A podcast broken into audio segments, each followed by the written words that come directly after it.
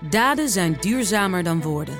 Bij PwC geloven we dat de uitdagingen van de toekomst vragen om een ander perspectief. Door deze uitdagingen van alle kanten te bekijken, komen we samen tot duurzame oplossingen. Zo zetten we duurzaamheidsambities om in acties die ertoe doen. Ga naar pwc.nl. De column van Marianne Zwagerman. Ik hou van vrede. Dus van mij had het nog wel vier jaar mogen duren.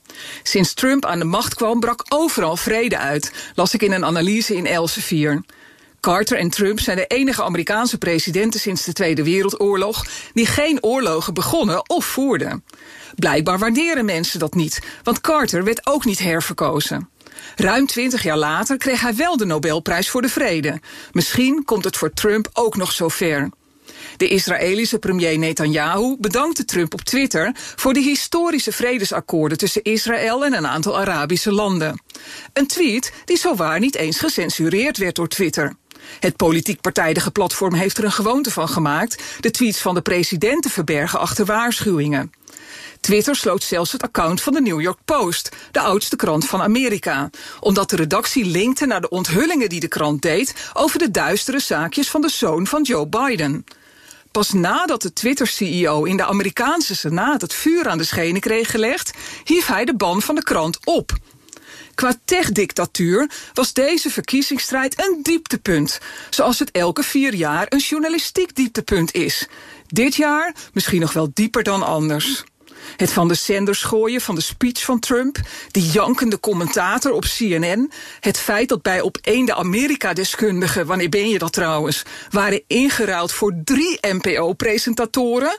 Als vragen stellen je vak is, moet je een beetje wegblijven bij antwoorden willen geven.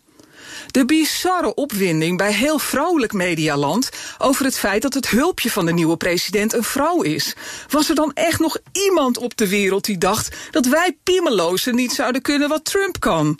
Kajsa Ollongren, nota bene zelf al jaren vicepremier, twitterde... dit heeft zoveel betekenis voor vrouwen en meisjes in de hele wereld. Wat dan precies? Dat je in 2020 een hoogbejaarde man nodig hebt om ergens als tweede te komen? De media overload, ja ook op deze zender, voor een ver van ons bedverkiezing, terwijl we spontaan de naam van de premier van Spanje of Italië niet eens kunnen noemen, blijft vreemd. Het enige voordeel is dat deze verkiezing ons leerde dat het dus wel mogelijk is om het over iets anders dan corona te hebben in de media. Laten we dat vasthouden. Daden zijn duurzamer dan woorden. Bij PwC geloven we dat de uitdagingen van de toekomst vragen om een ander perspectief. Door deze uitdagingen van alle kanten te bekijken, komen we samen tot duurzame oplossingen. Zo zetten we duurzaamheidsambities om in acties die ertoe doen. Ga naar pwc.nl.